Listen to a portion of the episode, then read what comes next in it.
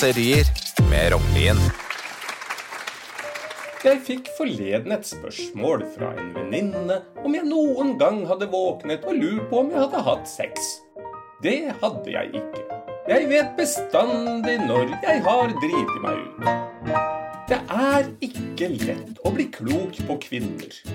Den eneste likheten de har, er at alle er komplett umulige å forstå seg på.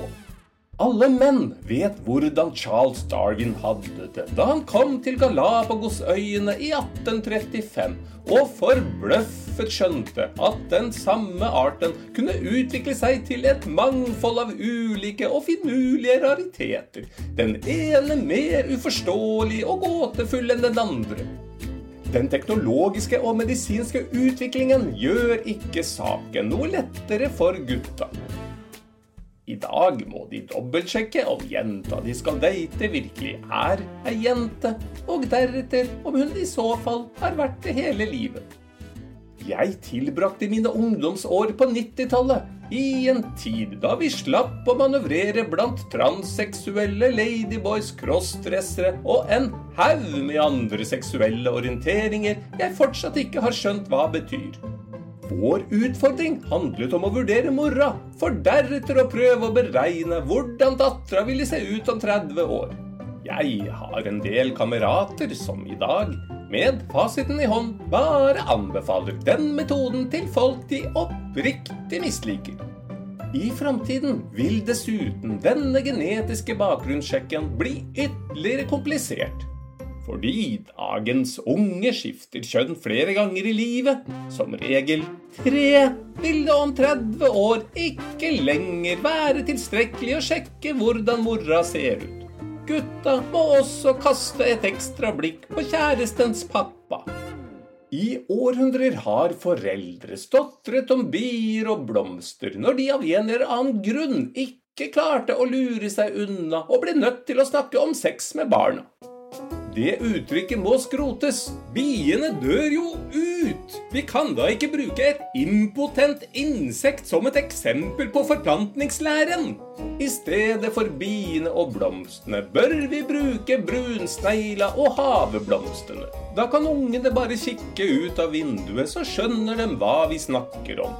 Brunsnegla må være det kåteste av alle norske dyr. Og da tar jeg med kaniner, mus, hingster og samtlige deltakere på Paradise Hotel. Brunstsnegla burde den ha vært kalt. Det finnes en million av dem. Minst! Og det bare i hagen til naboen.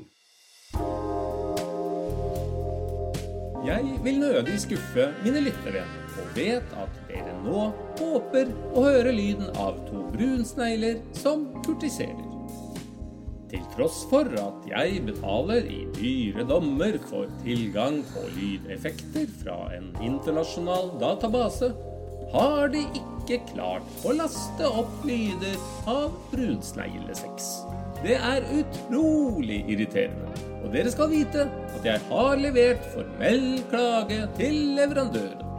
Her har både dere og jeg felles interesser, og jeg lover at så snart jeg får tak i lyden av to brunsnegler som befinner seg midt i en amorøs elskovsakt, skal jeg umiddelbart laste den opp til min trofaste lytterskare. Snegleporno har vi alle gjort oss fortjent til. I mellomtiden får dere nøye dere med det nest beste paringsbrølet til en yr kamel. Og en enda kåtere kalkun. Men tilbake til spørsmålet om, ja, nettopp biene og blomstene. Nå som ungene ser porno allerede i barnehagealder, behøver vi ikke lenger å bruke bilder fra flora og fauna for å snakke med barna om sex. Tror du åtteåringen leker med Lego når du lukker igjen døra til barnerommet?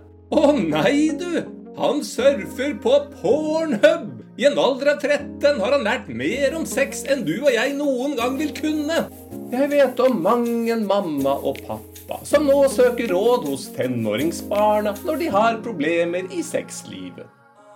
I dag lever mennesker lenge. Tolv år mer enn da jeg var liten. Det første mennesket som skal bli 150, er visstnok allerede født. Det lover ikke godt for sjekkemarkedet. I framtiden vil ikke ungdommen bare måtte undersøke hvordan mora ser ut, men også tipp-tipp-tippoldemora. Skrekk og gru. I det minste vil det være et kraftfullt virkemiddel for å få ned antallet tenåringsgraviditeter. Kan vi ikke snakke dem til fornuft, får vi skremme dem til døde. Jeg har snakket med forbløffende mange jenter som har fått den samme overraskelsen når de tropper opp på en blind date med noen de har møtt på internett. De møter til avtalt tid på en kafé i den tro at de skal møte en kjekk 20-åring. Og riktignok, den som møter opp, kan skryte av begge deler. Problemet er at han var kjekk og 20 år i 1985. I framtiden må unge jenter på blind date belage seg på å møte en gubbe på 120 som håper det ikke skal bli gjennomskuet at han har bløffet 100 år på alderen. Det kan jo bli en interessant samtale når de litt ute i kaffekoppen finner ut at de har en felles bekjent. Tippoldefaren hennes. Nei, verden har gått av skaftet. Ting er ikke lenger hva det en gang var. En mann er ikke nødvendigvis en mann, og en kvinne er ikke nødvendigvis en kvinne.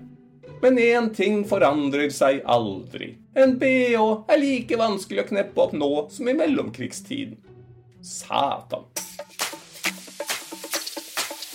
Du har lyttet til Kuriøse kåserier